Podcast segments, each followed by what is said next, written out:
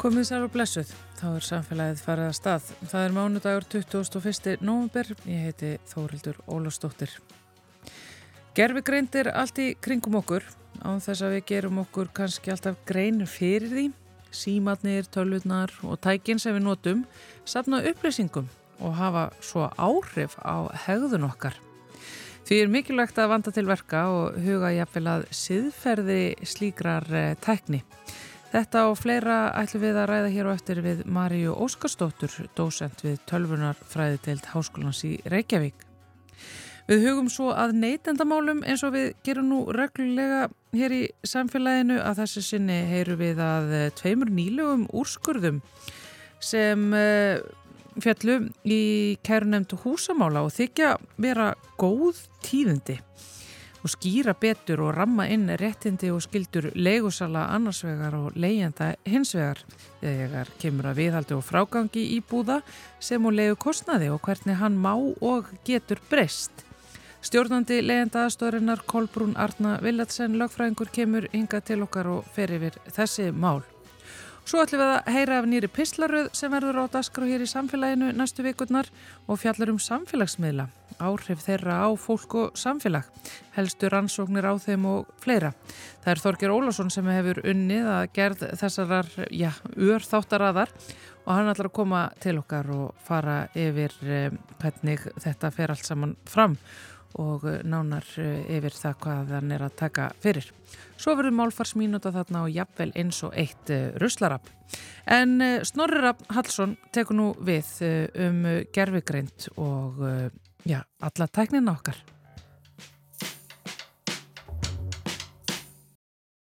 Til okkar er komin góður gestur, hún Marja Óskarsdóttir, dósend í tölvunafræði deilt Háskólans í Reykjavík. Marja stundar rannsóknir á hagnýtingu gagnavísinda og þar spilar gerfigreint oft stort hlutverk. Á dögunum satt Marja fyrir sörum á vísindakaffi Borgarbókasapsins þar sem yfirskriftin var siðferði í heimi gerfigreindar. Velkomin Marja. Já, takk hjá það fyrir. Ef við byrjum bara á grundvallar atriðunum, hvað er gerfigreind og hvernig er hún notuð? Já, gerfigreind er náttúrulega bara svona eitthvað skonar grunninn tölvu forrið sem er hérna notað til þess að hérna aðeins, já leifa tölvum að haga sér eins og við og kannski leysa verkefni sem við leysum. Og hérna alltaf hefur verið mikil hérna framför í gerfegrind senustu 10-15 árin og hún er núna svolítið bara út um allt og kannski svolítið mikið meira heldur en við gerum einhvern grein fyrir. Stór hluti af, af okkar daglega lífi svolítið mikið. Um, en hún er náttúrulega rosalega fjölþægt því að þetta er bæði hefur að gera eins og ég segi með um, bara forrit sem að eru að hérna svona raukforrit sem er að taka ykkur ákvarðanir er að reyna að herma eftir því hvernig fólk tekur ákvarðanir og hvernig hérna svona, já, ákvarðanir eru, eru einfaldar og, og hérna raukstuttar og ímjöldlega þannig. Og hefur til dæmis að gera með það hvernig eh, leikir eru spilaðir. Þannig að það er til dæmis til gerfugreint sem að spila skák og er það búin að læra hvernig á að spila skák. En svo líka til gerfugreint sem að hefur að gera með það hvernig um, já, tölfur eða já, tölfur sjá heiminn og eru þá kannski að, að skinja umhverfið í kringum sig uh, og þetta eru að sjá með svona alls konar myndgreiningu og líka með til dæmis máltækni, að hvernig tölfur eru að skilja tungumál og eru að, eru að náttúrulega ekki bara skilja tungumáli, er líka að, að þýða texta til dæmis og við getum til dæmis talað við, við Siri eða Alexu og, og sagt henni eitthvað á íslensku eða á, á ennsku náttúrulega líka. En þar alls þar og baki líkur þessu gerfi greint sem er að, er, eins og segja, bara raunverulega tölvuforitt og algrím sem eru að reyna að haga sér eitthvað hátt eins og fólk og, og hérna, einfald okkur þannig lífið. Akkurat. Uh, yfirskriftin var siðferði í heimi gerfigreindar. Við fyrstu sín verðast þetta mjög ólík fyrirbæri. Annað en einhver einleiki sem við mannfólki búum yfir og hitt eru tölvuforrið. Hvers vegna þurfum við að hugsa þetta tvent saman? Það er bara mjög góð spurning og hérna ef við bara byrjum á því hvað, hvað siðferði er að það náttúrulega eru bara þessar reglur og, og svona uh, hugmyndir sem við lifum eftir um það þú veist hvað er rétt og hvað er rámt að gera uh, og hvernig við hugum okkur og komum fram við fólkið í kringum okkur hvernig við komum fram við dýr til dæmis og bara hvernig við komum fram við uh, bara umhverfið uh, og þetta eru bara svona reglur sem við, þú veist, náttúrulega lærum bara svona smátt og smátt í, í gegnum lífið og við erum alveg stupp og kannski hugsaum ekki dóðal mikið um það. Þetta er bara, eins og ég segi, bara við vitum hvernig við erum að hafa okkur. Nú, að því að það búið að vera svo miklar framfarir í tækni, upplýsingartækni og í gerfigreind og eins og ég sagði þá er hún orðin svolítið svona stór hluti af okkar lífi og það gerði svolítið rætt kannski aðeins og við gerðum okkur grein fyrir því. Uh, til dæmis bara með það að við erum að horfa á hérna, myndbund á, á YouTube að þá er alltaf verið að mæla með einhverju næsta myndbandi fyrir okkur til að horfa á. Þar likur gerfigreind að baki eh, sem er búin að læra það hvað okkur finnst skemmtilegt og mælir með alltaf einhverju meiru sem okkur finnst skemmtilegt til þess að halda okkur sem lengst inni á YouTube og til að tryggja það að við komum aftur. Og að því að þessar svona miklu umbreytingar hafa orðið á, á tildulega stjórnum tíma að þá eru sagt, þessi tækni svolítið búin að umbreyta því hvernig við sjáum heiminni kringum okkur, hvernig við breytum og, og hvernig við bara metum ímislegt og hvernig við sjáum til dæmis það hvað sangirni er eða hvað er rétt og hvað er ránt og það er þar sem að siðferðin kemur inn vegna þess að þessi algrím er að hafa áhrif á okkar hegðun og, og það er sem stiðferðin kemur inn er þessi áhrif uh, rétt eða raung eru þau að breyta því uh, hvaða, hvaða gildi við höfum og, og hvernig við bara sjáum heiminn í kringum okkur. Að því að gerfigreindin getur alveg haft bæði mjög slæmar afleðingar getur leittið þess að við kannski breytum að rángan hátt eða getur leittið þess að við byrjum að mismuna uh, fólki á annan hátt en við höfum gert áður. Og, og hérna og þess vegna þurfum við að, að akkurat passa það að, að gerðvikarindin sé ekki að, að valda því að við séum að já, byrja að haga okkur á, á, á sið, siðferðilegan máta. Og það var það sem að þetta sem sagt uh, þetta erindi þarna fjallað um var aðeins bara þetta, veist, hvar þurfum við að passa upp á siðferðina þegar við erum að nota, nota gerfugrind og við getum alltaf tekið, þú veist, mjög svona um, rótækt dæmi að það alltaf verða, þú veist þegar maður tala um gerfugrind þá er alltaf að vera um ykkur vélmenni sem að hérna er að fara að stjórna heiminum. En, en þeir sem eru að þróa þessi vélmenni eh, eiga þeir að láta vélmennin hafa bissur, þú veist, og leifa vélmennum að ákveða, þú veist hvað á skjóta og, og hvenar.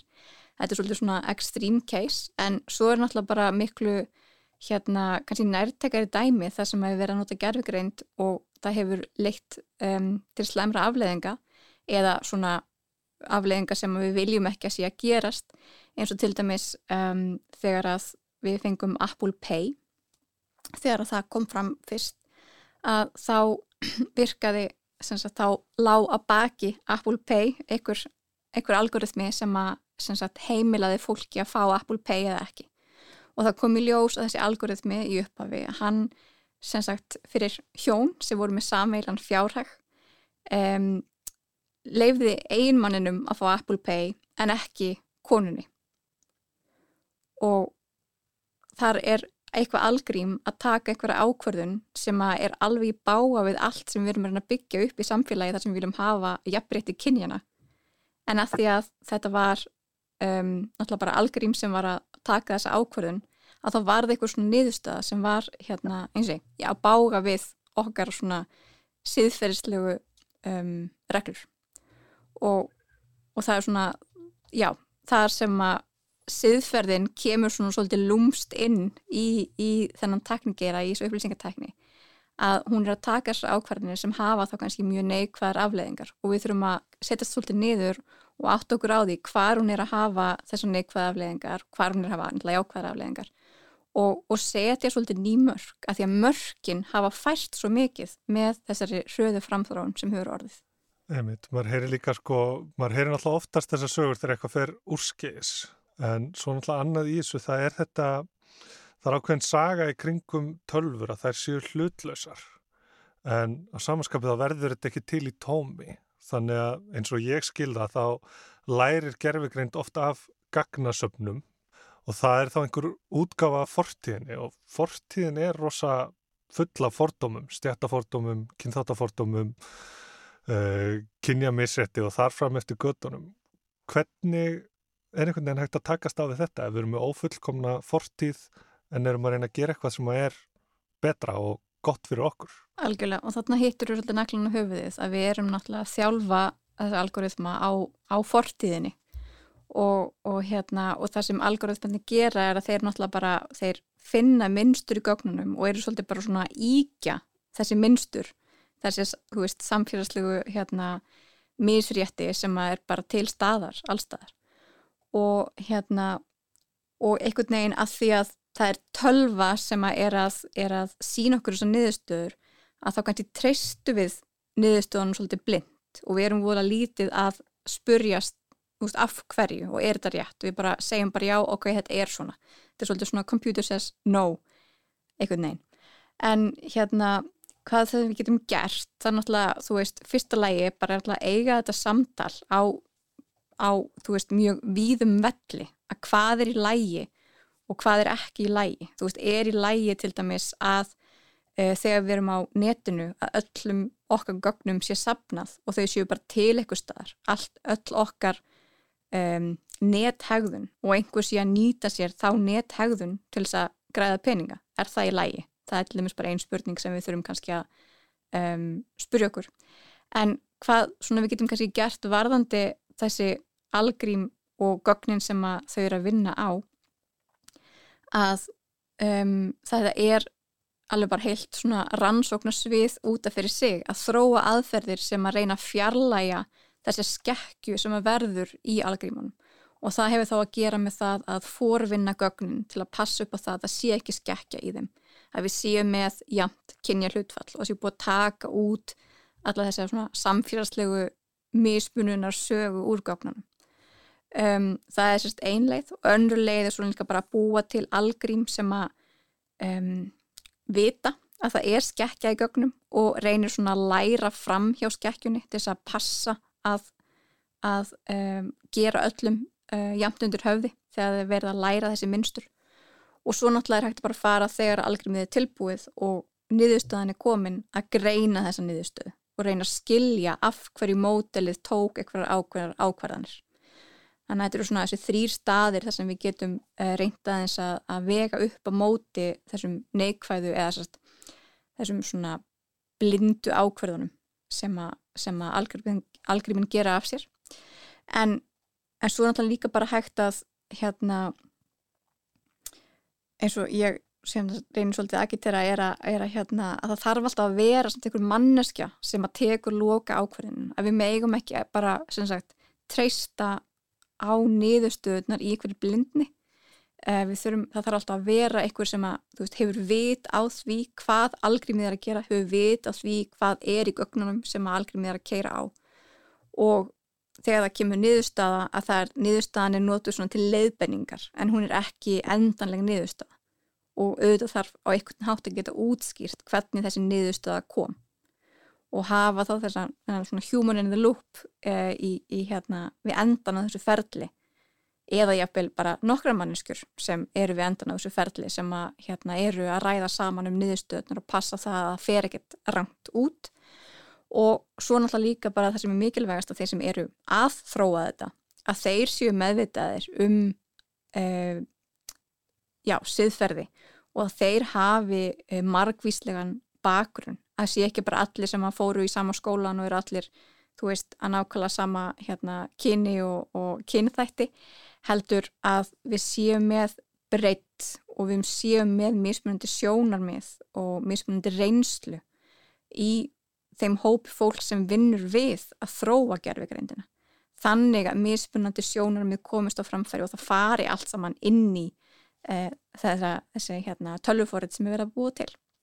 Mann finnst þetta einmitt hafa skort svo litið. Mér finnst eins og gerfegreindin hafi oft verið þróið einhver svona forrið og þeim hafi svo verið sleftu lausum út í heiminn. Svo bara gott dæmi er hérna Twitterið Tay frá Microsoft sem að lærði bara af umhverjunu, las bara færslur frá öðrum og setti saman sínar eigin og það tók ekki langan tíma fyrir hann að verða mjög sko Uh, ég er bara kvennhatandi kynþáttafordómar sem að spruttu þarna upp að því það er það sem hún lærði af en þar var til dæmis engin á endanum eða í upphafi sem að síjaði gögnin inn eða tók ákvarðan um hvað á að byrta finnst þér þetta að vera breytast eða er ennþá, eru við ennþá tilröndadýrin uh, eh, á gerðugrundinni? Þetta er smátt og smátt að breytast. En, en það er samt mjög langt eftir. Um, það er náttúrulega líka mist langt á veg komið bara svona regluverki kringum þetta. Að til dæmis, þú veist við erum komið núna með hérna, GDPR í Evrópu en það er ekkert sambarlegt í bandaríkjónum eða öðrum stöðum í heiminum. Þannig að það, það er hérna það er mjög langt í land þar til dæmis og líka bara hafa kannski svona heims uh, samræmi í, í svona hérna regluverki í kringum þetta. Um, en svo eitt mjög gott dæmi sem að mér finnst er að hérna varðandi það að ef maður byrjar að sjá eitthvað er að fara úrskeiðis að ef að það sem þú ert búin að þróa um, er að hafa neikvæðar afleðingar að það sé hægt að, að stoppa þróunina og þú veist, kippa þessari afröð úr umferð og þetta var held ég hjá hérna bílaframleðendum í, í Japan, ég held ég hefði hjá Toyota. Að þú veist þar sem við vorum með færibönd að, að framlega bíla. Að það var sem sagt starfsmenn voru kvartir til þess að þeir sá að eitthvað var að, það var eitthvað galli uh, að þeir gáttu bara hver sem er á, á framlegslu gólfinu gætt farið og stöðvað framlegslu ferlið, það var bara takki sem gætt ítt á og það bara stoppaði allt og þessi galli hann var lagaður áður en það var haldið áfram að framleiða bíla. Og þetta er eitthvað sem heitir andon. Og þetta er kannski eitthvað sem að hérna, mætti alveg innleiða í þessum gerfigreindar heimi líka. Eitthvað svona andon, það sem að starfsmenn þessara tekni fyrirtækja sem er að þróa þessi algrím geta raunverulega, þú veist, ítt á stopp ef þeim finnst eitthvað að vera að. Og þetta bara er eitthvað sem er ekki til staðar. Þetta er meira þannig nú til dags að hérna þú veist, ef þú byrjar eitthvað svona að, að hafa evasendir um það sem er að, er að vera að búa til að þá þú eru ekkert að segja neitt að því að viðbröðin eru svo neikvæð. En ef að allir sem er að vinna að einhvern svona gerðugenda lausnum hefðu, þú veist væru kvartir til þess að láta vita ef eitthvað væri að og myndu ekki, þú veist, skamma sín fyrir það það er alltaf svo hættulegt að maður er að stoppa eitthvað framleyslu ferli að það fara að líta niður á mann, ekki satt? Um, en ef allir bara gætu þú veist, sagt, heyrðu, þetta er einhvað skrítið við erum að hérna, mismuna þessum hópi fólks, við skulum laga það. Og meira segja eftir að varan er komin í umferð, að geta bara tekið hann tilbaka og laga hana. Þess að sé eitthvað að þú veist issue, að þá hérna þá held ég að við þetta myndi kannski vera svona fljótari að laga þessi, þessi vandamál sem koma fram Já, það þurfti að kannski líka skýra eins sko hvar ábyrðin liggur. Uh, vegna þess að oft er eins og sæðir áðan, computer says no. Það er náttúrulega bara þekkt aðferð til að sko útýsa ábyrðinni bara yfir á tæknina. En það eru við sem búin til tæknina það eru við sem notum tæknina. Þannig að ef það væri búið að skýra eins hver ber ábyrð það geti hjálpað til í þessu. Já, og náttúrulega bara allir sem er að læra þessi fræði og er að þú veist vinna í einhvers konar hérna líkan að gera með gögn eða er að vinna eitthvað að gerfigrind að það þarf að menta alla í síðferði gerfigrindar, ekki sett. Þannig að þeir séu líka, eða þau, öll séu meðvitið um allar þessar hættur og, og bæði góður og slæmar afleðingar. Þú veldir í einni upp hvort við getum lært eitthvað um síðverðskend okkar út frá starfsemi gerfigrinda. Getur við það? Já, það bara það kannski hvernig okkar siðferðiskend er að breytast með gerfugreind. Að okkar svona mörg kannski hafa aðeins færst til og við kannski skiljum suma hluti á, á annan hátt. en svona, já, svona orðin bara til alveg heilin í fræðigrein sem hefur að gera með hérna siðferði gerfigreindar eða siðferði gagna það sem að er samtali kringum það hérna, veist, hvað er í lægi að gera með gagnum og hvað er ekki og, og hérna hvað er í lægi að gera með algrímum og hvað ekki og, og bara svona þessar vinnureglur sem að fólk um, hefur. Svona codes of conduct og, og eitt og annað slíkt. Um, það er bara aðeins að breytast og, er að hafa áhrif, já, kannski á svona siðferði og gerðugarindin á, á siðferðina og siðferðina og gerðugarindina þannig að þetta er bara svona margþægt og margslungið og við eigum alveg langt í land ennþá held ég, en þetta er svona smátt og smátt að gerast held ég Já, er einhver dæmi um það? Hvernig farið með gögn, eitthvað sem var gert en við erum sammála um að við gerum ekki lengur. Já, það er náttúrulega bara þessi krafa uh, á sumum, á sumum hérna, sviðum eins og þau úrt að hérna, byggja um lán og ef þeir eru neitað um láni þá þá þú rétt á því að fá útskýringa á því af hverju þú fegst ekki lánið. Uh, eins líka, þú veist, ef fyrirtækir er sapnuð með gögnum að þá getur þau beðið um að láta eigða öllum gögnunum um þig. Þú vilt ekki vera datapunktur uh, í, í fyrirtækinu. Og þetta kemur bara með, með GDPR til dæmis, að þú getur eitt þinni sögu innan fyrirtækisins. Og, og hérna þetta kannski hefur meira að gera með, með persónuvend en, en þetta tengist allt saman. Og, og hérna en já, þetta er alveg svona að, að gerast Þetta er að gerast en við eigum ennþá langt í land eh, Takk kærlega fyrir komuna Marja Óskarsdóttir, dósend í tölunafræði deild Háskólans í Reykjavík Takk fyrir. Við höldum svo áfram hér í samfélaginu og eftir ætlum við að fjalla um neytandamál, kíkja sérstaklega á leigumálinn, leigumarkaðin. Tveir aðteglisverður úrskurðir sem hafa fallið þar og við ætlum að kynna okkur betur. Þetta var Snorri Rafn Halsson sem tók þetta viðtal við Marju. En áðurum við fyrir með neytandamálinn skulum við fá hustansinn frá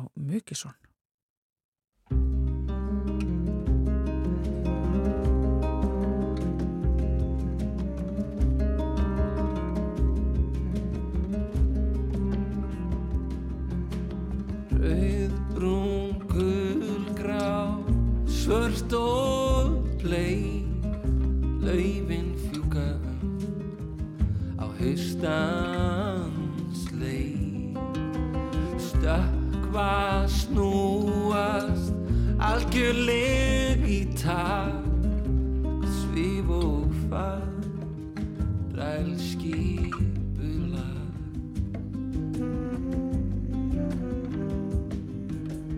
Ölvaðir þrestir er að rýfa kjátt, fljúast á, drekka berjaður sá. Kjarrið brakar, kvíslar ofur hljóð, vangaðu við mig í alla.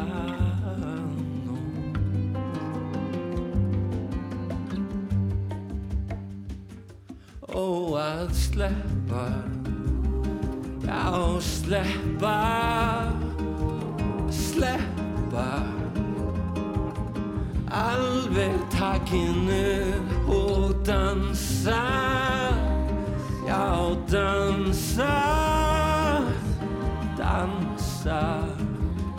Eins og glóð í myrkrinu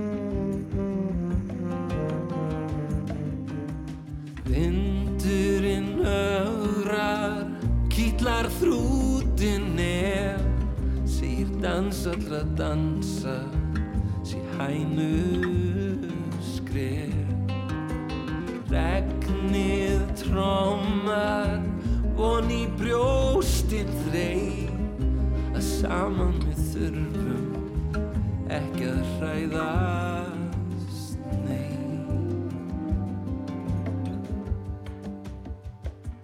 Ó að sleppa, já sleppa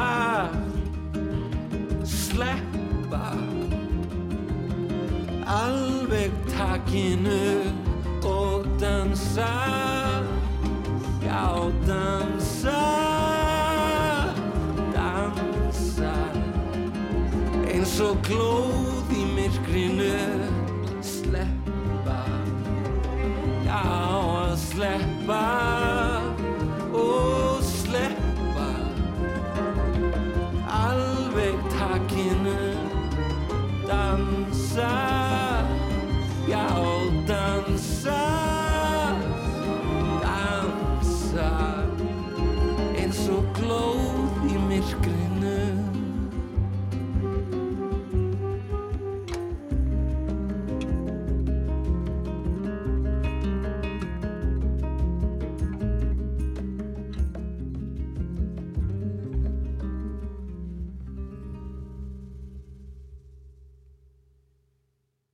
Við hugum reglulega neytendamálum hér í samfélaginu og uh, þessu sinni ætlum við að uh, kíkja á leigumálin. Hún er komin hérna til okkar, stjórnandi leigendaðastöðurinnar, Kolbrún Arna Villatsen, lögfræðingur, selvastu. Sæl, takk fyrir að fá mig. Það hafa tveir úrskurðir fallið sem að snerta leyendur og, og leigusala og eru aðteglisverðir fyrir margra hluta sakir.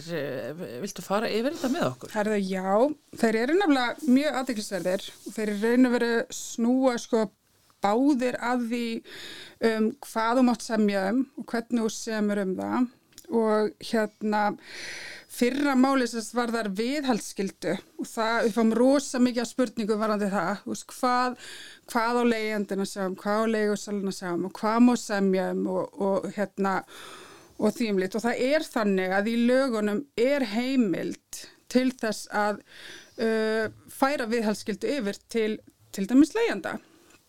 Og það er mjög algengt að til dæmis að þurfa að skila sér ný máluðu það er eitt af þessum sem við fáum bara ótrúlega oft, bara kemur leiðandum oft mjög mikið á óvart þegar að flytja út og það allt í henni kemur herri þú átt að skila ný máluðu. Mm. hinga til þegar við fengið sagt, þessa fyrirspurt bara á ég að skila ný máluðu? Það hefur bara sagt, herri það er heimil til að semja um það. Við vorum bara að kíkja samningin, hvað segir samningurinn? Ef að samningur segir að þú ætti að skila ný máluðu þá þarf þetta að skila nýmáliði. Nefna uh, fyrir þessu ári þá fór sérstaklega mál fyrir sérstaklega hérna, kærunamt húsamála, úrskurðs í fjallja þeim og hann var hérna uh, mjög áhugaverður að því leiti að þeir skoðuð ekki bara hvað stendur í samningnum, heldur skoðuð þeir í raun og veru greinina sem er 20. grein húsalegulaga því hann var breytt 2016 Hún var þannig að ef að leiðandi ætla að taka á sig ríkari skildur þá ættu að koma fram í að hvers virði þessi skilda væri hversu mikið er henni verið leiga lækkaði. Uh. Nú þetta var tekið út og hafa bara gefin út heimil til þess að semja um þessu hluti og þurftur ekki lengur að taka fram fyrir þessi x tala var sem var að tala um. Mm. Nefna kærunumdi núna, hún aftur á móti skoðar 20 ára greina, minnist á þessa breytingar og segir ok, í staðan fyrir að tilgreina upphæðina þá svona horfum við til þess hvort að bendi til þess að þetta hafi verið eitthvað sem atrið sem var tekið til þetta þegar upphæðin var leigu upphæðin var hérna ákveðin mm. og hérna uh, það er líka mjög áhugavert að þeir segja að það þurfa að koma fram í leigusamningnum að leiðandin sé að taka á sig ríkari skildu heldur lögin hveða áum.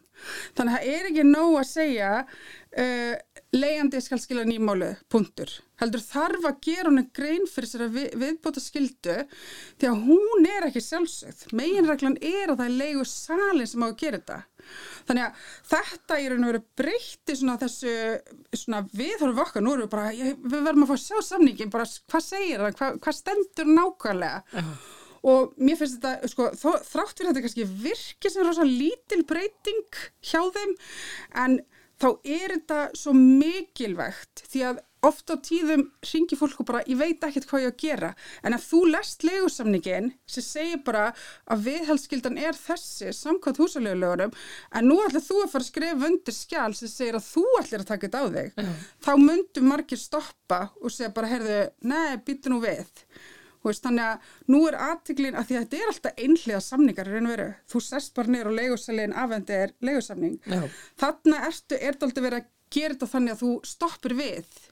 Já, leigjandinn orðið Já. þáttakandi í þessu sko. Já, í það minnst að fara að gera honum grein fyrir því hann sé að taka á sig ríkar skildur og það er, þú veist, að því þetta hljómar kannski ekkit svo rosalega skila sér ný máli en nú er bara, þú, veist, ef þú þar í ár, er, er sangjart að þú skilir af þér ný máliðu. Nei, nei, já. Þú veist, þannig þetta er líka þetta svona sangjörni sjónamið uh, að þú áttir því á þessu og, og líka bara að leigusalinn þurfa að gera sér grein fyrir þessu, ég þarf að, veist, hérna, til hvers ætlast ég, skilur e, og, og taka þetta til, til þess í þá veist, hvað skildur þess að taka á þig? Já, Og það er til dæmis, hérna, nú höfum við verið uh, sagt, uh, stórt leigufélag sem að uh, gefur sér út fyrir að leiga uh, og gerir tekjulari fjölskyldum, er til dæmis með skildu í sínum samningi að leigjandin eigi að taka hérna, þátt í skipta gólfefni. Sko, fyrir okkur er það ótrúlega íþengjandi fyrir leigjanda. Af hverju ætti leigjandi að vera að taka þátt í uh, viðhaldi húst, á eldúsinréttingum, gólvefnum, einhvers konar stærri framkvæmdum. Veist, er, og við erum einmitt svona í þessu raukröf núna við þetta leigufélag, hversu ósangjast þetta er. Já, já. En við getum ekki sagt að þetta er bannað, þetta er ekki ólögumætt, þetta má, en þetta er svo ósangjarn. já, þetta er það, já. Þetta er rosalega ósangjart, þannig að það er ímislegt svona sem að má semja um í samningunum, húsalegu samningunum, sem leyendur ofta áttast ekki á. Þú veist hvað sem mikilvægt þeir oft, ofta tíum heyrum að þeir haldi þetta sé bara svona standard. Já. Þetta er bara þessi, venjulegi já. Og ég bara, ah, það er engin venjulegu legusamningur. Það er nefnilega málið. Þú mátt semja um ótrúlega mikið.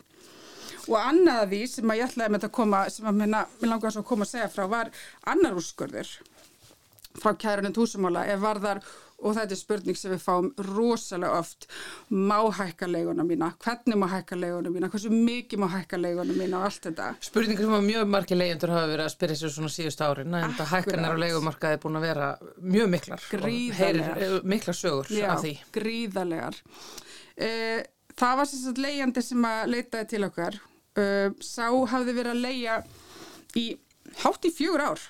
Uh, var að skila af sér uh, leiguhúsnæði. Uh, var með þarna að minni svona í kringu 350 krona tryggingu Já, og hérna skilaði bara vel af sér og, og bjóst nú bara við að fá þennan penning tilbaka. Þetta eru mjög stranga reglur sem gilda um, um kröfið tryggingu og nema uh, leyendir bara sendir, hóst, bara hérna geti fengið trygginguna tilbaka og þá kemur bara til, tilbaka. Herðu bara nei, ekki nómu og getur ekki fengið trygginguna tilbaka, heldur skuldar í raun og veru hátt í sko í kringu 650-700 þúsund. Og skýringin á þessu var svo að í leigusamningi var ákvæðum það að leigan taki breytingum á leigutímanum samkvæmt vísi til neysluvers. Uh, þessi leigjandi hafði bara alltaf borgað, bara lagði alltaf inn sína mánalega greiðslu, fekk aldrei aðtöðasemt, uh, kom aldrei uh, neitt tilbaka, herði þetta ekki rétt upphæð, þannig í þessi þrjú og hálft fjögurar bara greittan. já, Uh, og þetta er náttúrulega ótrúlega íþingjandi að eftir, hátti fjögur ár í raun og veru skuldari leigu afturvirt. Þannig að sko var þá krafana að leigjandinn átti hvað fyrir hver mánuð að máta endur uppreikna leiguna í takti við vísutölu nestluvers Sko, og gera það bara algjörlega já, sjálfur. Já, í raun og veru eh, bendur þetta til þess að leigu salin hafi ætlast til þess að leigjandinn hérna færi þessa leið. Þannig við komum með þessast leigjandastofan, kom inn í þetta mál og settist í samband við hérna leigusala og bara hafnaði þessu 700.000 krónar kröfu og skoðum bara eftir fullri endurgröslu, prúst vexti og dráttavesti sem voru bara komnir á þessa kröfu. Já. Um, við fengum sagt, erindi frá lögmanni þessa leigusala sem bara hafnaði þessu algjörlega en bauð okkur þó að hann væri til að koma mót, mótsöðana uh, og bara halda því tryggingafinu. Það væri í raun og veru bara líka við helmingsafslattur á þessu. Um, þetta var náttúrulega bara algjörlega ótækt þannig að við aðstofum þessa mannesku að hérna, leggja einn kæru að því hún þarf að vera á íslensku til að fara fyrir kærunum túsamála. Uh -huh. uh, annar mál sem við erum alltaf að berjast fyrir.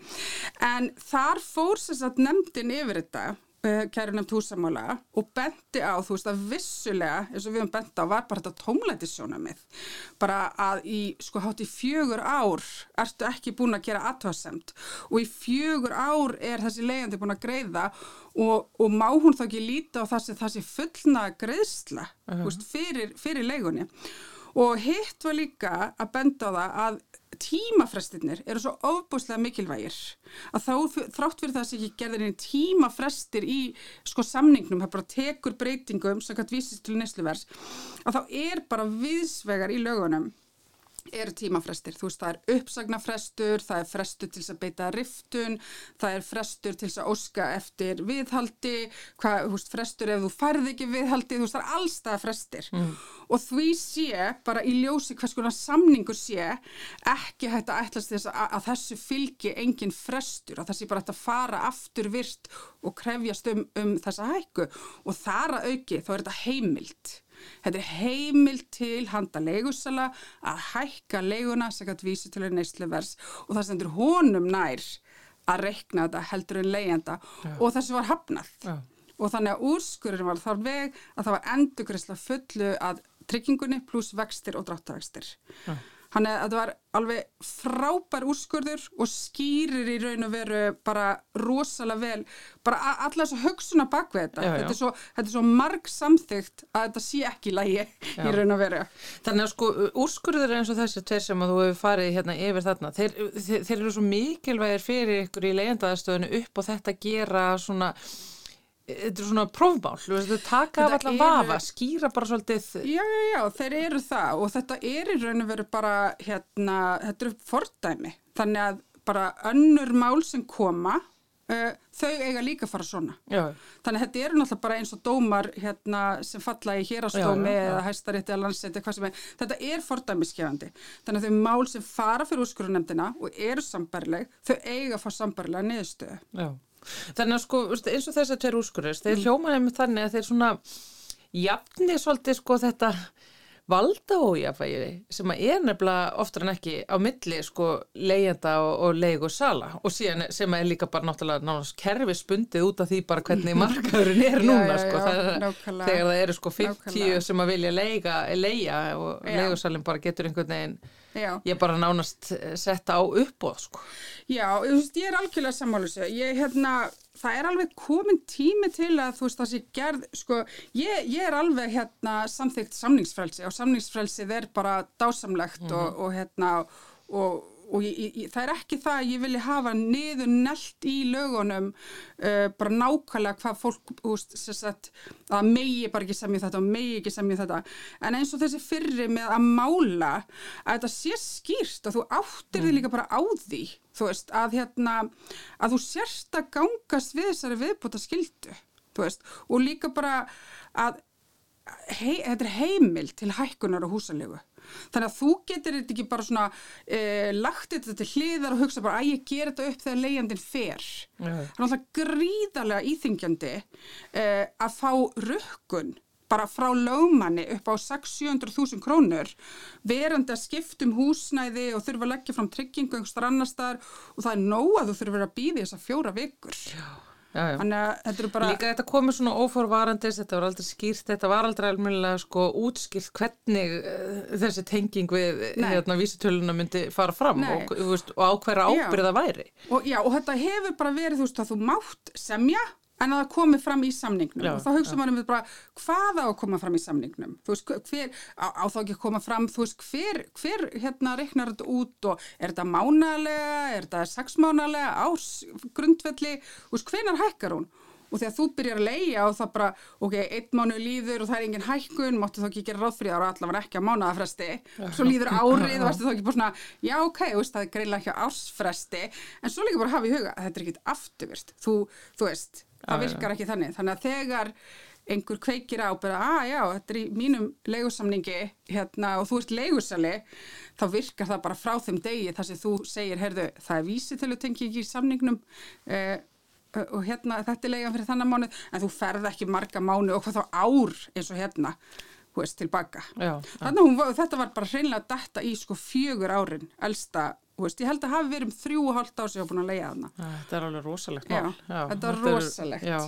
Þannig að það er mikið gleði í höfumstöðum ykkar Það hérna er núna. mikil gleði og, ég, og, veist, og það er bara alltaf þegar hérna, það er einhver svona vafamál, þá erum við alltaf bara kærnæmt húsamála, kærnæmt húsamála, en maður skilur alveg leyendur því að sko málsmeðferðin er löng, en þetta er frítt og þetta er á netinu, en svo er líka kannski bara fólk veit ekki af þessu og finnst að vera svona í þeirri stöðu að hérna á ég hafna eða, eða húst, á, á ég fara að búa til eitthvað vesen en, en þú getur samþygt bara með fyrirvaru lögmætti þú veist, þú ert bara með eins og þetta bara samning eða eitthvað ákvæði eða eitthvað sliðis að þegar þú lendir í þú ert að fara að greiða þú getur samþygt, setur bara smá skýringu, samþykki með fyrirvaru lögmætti og svo má leggja máli fyrir kærun tósamála og allir þeir sem eru bara svona uh, réttlátir leyendur og leigusar, þeir vilja bara máli farið þarna fyrir, þannig eru sérfræðingarnir og þarna kemur úrskurðir sem er bara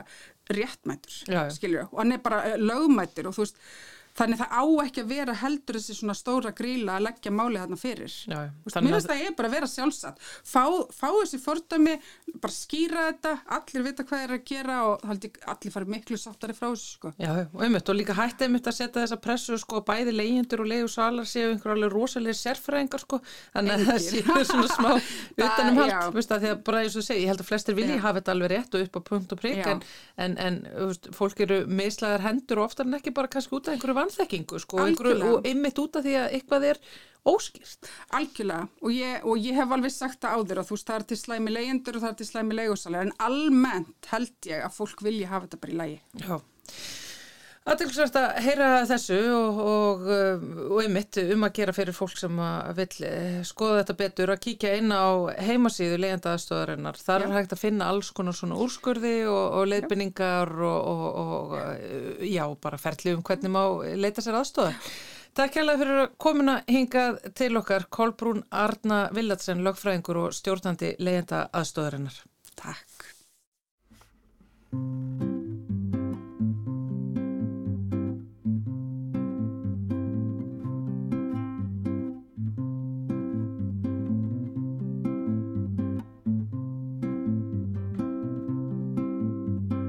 Hvítir vaða dagar, voðlendi hjartan svo vekja þig.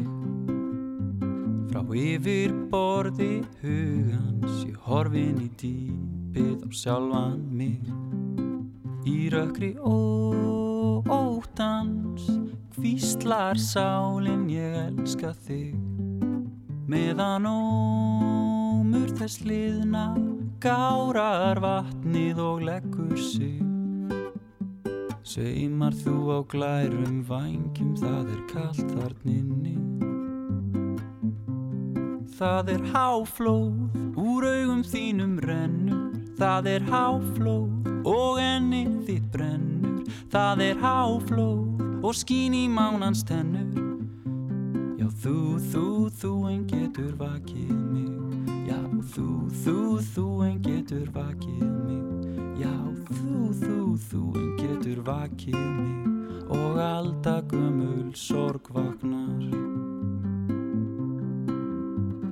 Hvítir vaða dagar, voðlendi hjartan svo vekja þig. Frá yfir borði hugans, ég horfin í dýpið á sjálfan mig. Í rökkri ó, óttans, hvíslar sálinn ég elska þig. Meðan ómur þess liðna, gárar vatnið og leggur sig. Sveimar þú á glærum vængjum, það er kallt þarninni. Það er háflóð Úr augum þínum rennur, það er háflóð Og enni þitt brennur, það er háflóð Og skín í mánans tennur. Já, þú, þú, þú en getur vakið mig. Já, þú, þú, þú en getur vakið mig. Já, þú, þú, þú en getur vakið mig. Og alltaf gömul sorg vaknar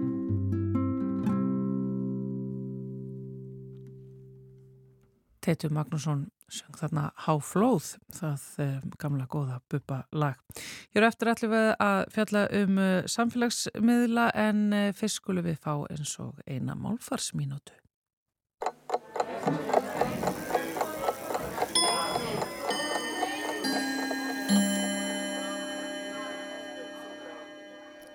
Við nótum orðin mæðgur og feðgar, mæðgin og feðgin til að lýsa tengslum barna og foreldræðira. Á nýjira vef átnastofnunar er stungið upp á orðunum langmæðgur og langmæðgin til að lýsa tengslum ömmu og barnabars en hafa ekki náð mikill í útbreyslu. Samsvarandi orðum karlmenn, það eru langfeðgar, er ekki notað með þeim hætti. Það hefur þá sértækumerkingu forfeður í beinan karllegg. Það er eldgamalt orð og ekki verðist hafa þótt vera þörf fyrir langmæðgur í sömu merkingu. Það er formæður í beinan kvenlegg. Hvað sem því líður er ljóst að orðin langfæðgar og langmæðgur virðast ekki henda vel þegar ömmur og afar setja myndir af sér með barnabörnunum á samfélagsmiðla.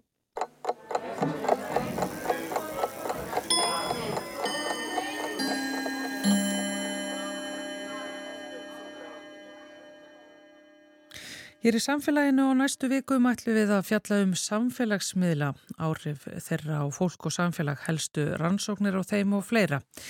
Þorgir Ólason sem er samstagsmaður okkar hér á RÚF ætlar að hafa umsjón með þessum einslögum í þáttinn og fá til sín hérna ímsu sérfræðinga til að ræða hérna fjölmörgu fleti samfélagsmiðla. En um, áður en við fáum að heyra öll þessi einslög er Þorkir komininga til okkar til þess að fara þess yfir hvaða er svona sem að ber hæst þegar hann er dembir sér unni þetta málefni Þorkir Áhverju þurfum við að velta þessu samfélagsmiðlum fyrir okkur? Já, samfélagsmiðlar eru náttúrulega stór hlut af okkar veruleika og Þetta, þetta hefur gerst svo rosalega rætt að við höfum ekki fyllt kannski alveg eftir þróunni, við höfum ekki átt á okkur alveg á því hvaða áhrif samfélagsmiðlarnir hafa haft á samfélagið og einstaklingana. Þannig að þetta er gríðarlega uh, sko mikið mál núna og við sjáum það til dæmis líka að lögjöfin hefur ekki fyllt eftir, við hefum engi lög um samfélagsmiðla til dæmis sko. Nei. Nú við notum uh, samfélagsmiðla gríðarlega mikið, það er yfir 90, jæfnvel 95% landsmanna sem segjast uh, nota Facebook daglega eða eiga Facebook reikning og þeim fjölgar sko í öllum aldursópun sem nota Instagram og svo erum við með Twitter og Snapchat og TikTok og, og fleiri miðla og sem eru þó aðalega unga fólkið. Mm -hmm. Nú svo er þetta aldrei gaman að segja frá því að við Íslendinga treystum ekkit mjög vel þeim upplýsingur sem við sjáum á samfélagsmiðlunum og þá kom ég ljósið einhverju konunni að 80% sko 8 af hverjum 10 segjast ekki treysta þeim og við erum alveg svona svipuður ólu hinn á Norrlanda þjóðnar en svo sjáum við í Austur-Európu og, og Suður-Európu allt, allt aðra tölur. Það er kannski komið upp í það sko að, að, að fólk segist 60-70% landsmanna segist treysta samfélagsmiðlunum en, en, en að samaskapi treystuð ekki fjölmjölum. Þannig að þetta er mjög aðtiklisvert sko hvernig hvernig þetta algjörlega mismunandi eftir hvar í Evrópu stödd og svo að ég tala um Ameríkuna. Já, sko þú ert að fá til þín alls konar svona sérfræðinga þá til þess að, já, skoða þá uh, þessi svona, þessi gráu svæði og álitamálin og, og, og lýsa upp í öll hotnin, uh, dimmu hotnin sem tengjast þessu öll saman. Já, sko þetta er óskaplega mikið rannsaka núna og, og uh, begja vegna allarsafsins, getur við sagt. Mm. Og uh, þetta er það, raun og raun skamt að við komum ofta á tíðum þessar rannsóknir að þeim ber ekki, eða sko niðurstöðunum ber ekki saman. En um, þar sem við ætlum að ræði þessum þáttum og, og er kannski þar sem að hæst ber núna og það er þessu svo kallar hatursorðræða. Já. Þetta er vandarsnætt hugdag því það er ekki tilneina sko samræmdar skilgreininga. Við erum ekki til dæmis með lög um hatursorðræðu eins og normin hafa sett. Mm og það er ekki alþjóðlega skilgreiningar en yfir þetta en einhvað síður og það sem að, að og nokkrir hérna íslenski fræðimenn hafa skrifað um þetta mjög lærðar greinar. En í hegningalögunum hér og, og held ég líka í Danmörku og víðar að þar er hveð á um hattursorræði og ég veit ekki hvort ég var að lesa þetta en þetta er sko að hver sem ofurlega hæðist að, róper, smánar eða ógnar mann eða hópi manna með umælum eða annars konar tjáningum og þetta snýr þá að, að eh, þjóðverðni, lítarhætti, kynþætti, trúabröðum, kyn, einkjönu, kynneið og fleira að ef þú verður uppvísað slíku að þá getur átt yfir höfður segt eða fangilsi og þetta er nefnilega það sem aðtiklisvertu þetta er að þetta eru ofinbermál. Þú kærir þetta til lauröglu og sen er saksóknari sem að sæki máli.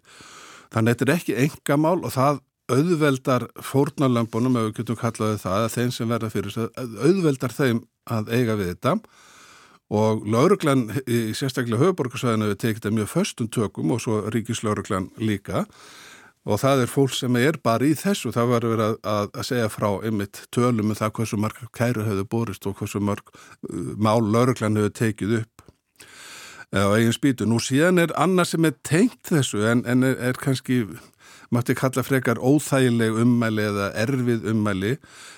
Og að það er fólk uh, sem til dæmis tekur þátt í stjórnmálum eða, eða virkt í samfélagsumræðinni að það verður fyrir árásun sem er kannski ekki, sem er ekki samt hatursorræða, þannig er ekki að kæra það, en við höfum bara mörg dæmi það bæði hérna frá Íslandi og, og til dæmis Norðurlöndunum og viða, að fólku dreygið sér út úr pólitík. Já, og bara skiljanlega, maður hefur sér þessu umali, sko, það er erfitt það er engin með slíkan skrápa að, að þetta snert ekki eitthvað Nei. við fólki sko, fólk eru mann, manneskur þó að þessi stjórnmálum og þetta kom líka fram til dæmis núna þessu ræðilegu net einhelti smálum sem við höfum séð Já. að þau fjátt falla ekki undir hattusorraðu þannig að þá er þetta engamál en ekki ofubertmál. Já, já, þannig að þetta er svona, þetta er svona svolítið flókið einhvern veginn bara svona lagalega skilgreiningar á þessu. Hvað fættur þetta hvað? Það er það og þetta, og ég veit að normenn hafa kannski, að því ég nú tek þátt í norrannu samstarfi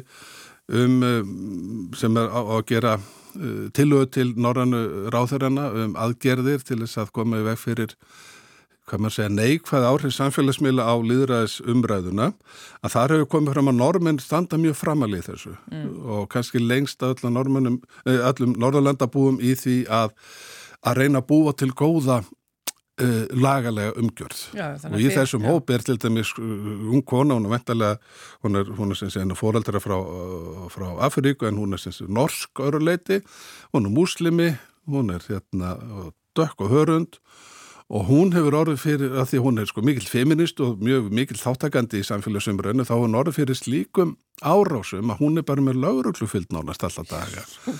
Skiljið, þannig að þetta er ekkert, ekkert hérna þetta er ekkert grín sko. Og svo er heimlegin á þessu sem er líka eitthvað og það eru falsfrettinnar er það ekki? Jú, svo eru falsfrettinnar sko. það, er, er, það, það var búið til nýtt hugtak eða ný hugtök yfir falsfrettir og við kallum það upplýsing óreiðu og íslensku vegna þess að þetta er svo mismunandi. Þar eru við með sko rángar upplýsingu beilinni sem er deilt af ásetningi og til þess að valda skada uh mhm. -huh. og svo eru við með uh, rángar eða misvísandi upplýsingar sem er deilt án ásetnings þess að fólk ætlaði ekki að deila röngum upplýsing, upplýsingum Já. og það ætlar ekki að valda skada en það getur gert það einhvað síður okay. og síðan eru sérkjörlegastu flokkurinn þarna og það eru réttar upplýsingar sem fólk deilir til þess að valda skada og það er til og það er kannski full langt að fara í það en, en þannig er sé, og þannig eru falsfyrirtina líka og við okkur er tamt að tala um falsfyrirtir í þessu samhengi og, og það er nú að fara á stað núna Eh, fjölmjölunemnd er að fara að stað í samvinnu við Háskóli Íslands og fleiri aðila eh, svona átaki í því að, að reyna að upplýsa fólk betur um það hvað, hvernig það gengur úr skuggu um hvað er rétt og hvað er ránt. Nú síðan er þessu upplýsingarstríð sem við sjáum í tengslu við stríði í Ukræna sem er nokkið smáraði sko. já, já. og þetta er og þannig upplýsingum með beitt sem vopni í svona áráðu stríðum og svo var að COVID, það var mjög uh, sérskennilegt að upplifa það hvernig upplýsinga óreiðan einhvern veginn fór upp í hæstu hæðar, ekki síst í bandaríkunum, en það sem var svo aðtilsvert að við Íslandingar skárum okkur algjörlega úr í þessu efni, því að við sóttum mjög litlu mæli upplýsingar til ásamfélagsmiðlana og við, sko, samkvæmt alþjóðleiri konu, þá voru við svo þjóð sem treystum uh, íslensku fjölmjölum eða treystum fjölmjölum langt mest og það var náttúrulega bara vegna þess, vegna þess hvað þrýeikið skapað sem ekki tröst. Já, auðvitað. Og það var þess vegna sem að, að við treystum því að við vissum það að, að, að fjölmjölatum voru að flytja frétti frá þeim og, og frá landlækni og, og almannavörnum. Þannig að þetta er, nú síðan er það sem menn hafa áhyggjur af og það er sérstaklega þegar uh, raungum upplýsingum er drift með markvísum hætti til þess að skada samfélagið. Þar, þar höfum við talað til dæmis þessi skað sem er bólusetning að fólk sé að reyna að, að, að, að það eru beilinnis framleitar sko falsfréttir. Um, það er líka samsæriskenningarnar sem eru mjög skadlegar fyrir samfélagin og þetta, allt þetta tengist í að grafa undan stopnunu samfélagsins. Já. Þannig að það eru náttúrulega alveg heljarinnar mörg mál sem að þú ert að taka fyrir í þessari sko ör þáttum innslögum sem að verða hérna í samfélaginu og eiga að koma tísari viku. Við byrjum núna á förstu daginn ekki satt og, og verður síðan á mánudögum og förstu dögum næstu vikurnar og þú ert með alls konar sérfræðingar sem þú kalla til og byrjar á Já, Jónu Gunnari Ólasin, ekki? Já, já, og þetta verða vantilega tíu innslög uh, og við tökum á allum þessum þáttum og fleirum sem við hefum nefnt hérna. Þetta er svo aðtilsvert og hvetjum hlustendur til þess að fylgjast með þessu. Þetta kann svona til að virka flókir svona til þess að byrja með en eins og Þorgir eru að fara hérna yfir með okkur, þá er þetta þá er mikil alvar í málum og þetta er mikilvægt að við setjum okkur inn í þetta, kynnum okkur þetta og séum svona á varbergi og, og, og fylgjumst vel með. Þetta er nefnilega verið að rannsaka þetta ítalega og það er gott að þú ert að fá uh, þetta fólk Já. til viðtals og ræða þessi mál. Þorgir Ólason, uh, takk fyrir þetta. Við bara býðum spennt eftir næsta förstu degi þegar uh, viðtal þetta við Jón Gunnar Ólason, nýdoktor við HÍ um upplýsinga og úröðu, falsfrettir og allt þetta fer af stað og svo bara kolla kolli. Takk mm. fyrir komininga í samfélagið. Já, takk. Og með Þorgir okkar líkur samfélaginu í dag.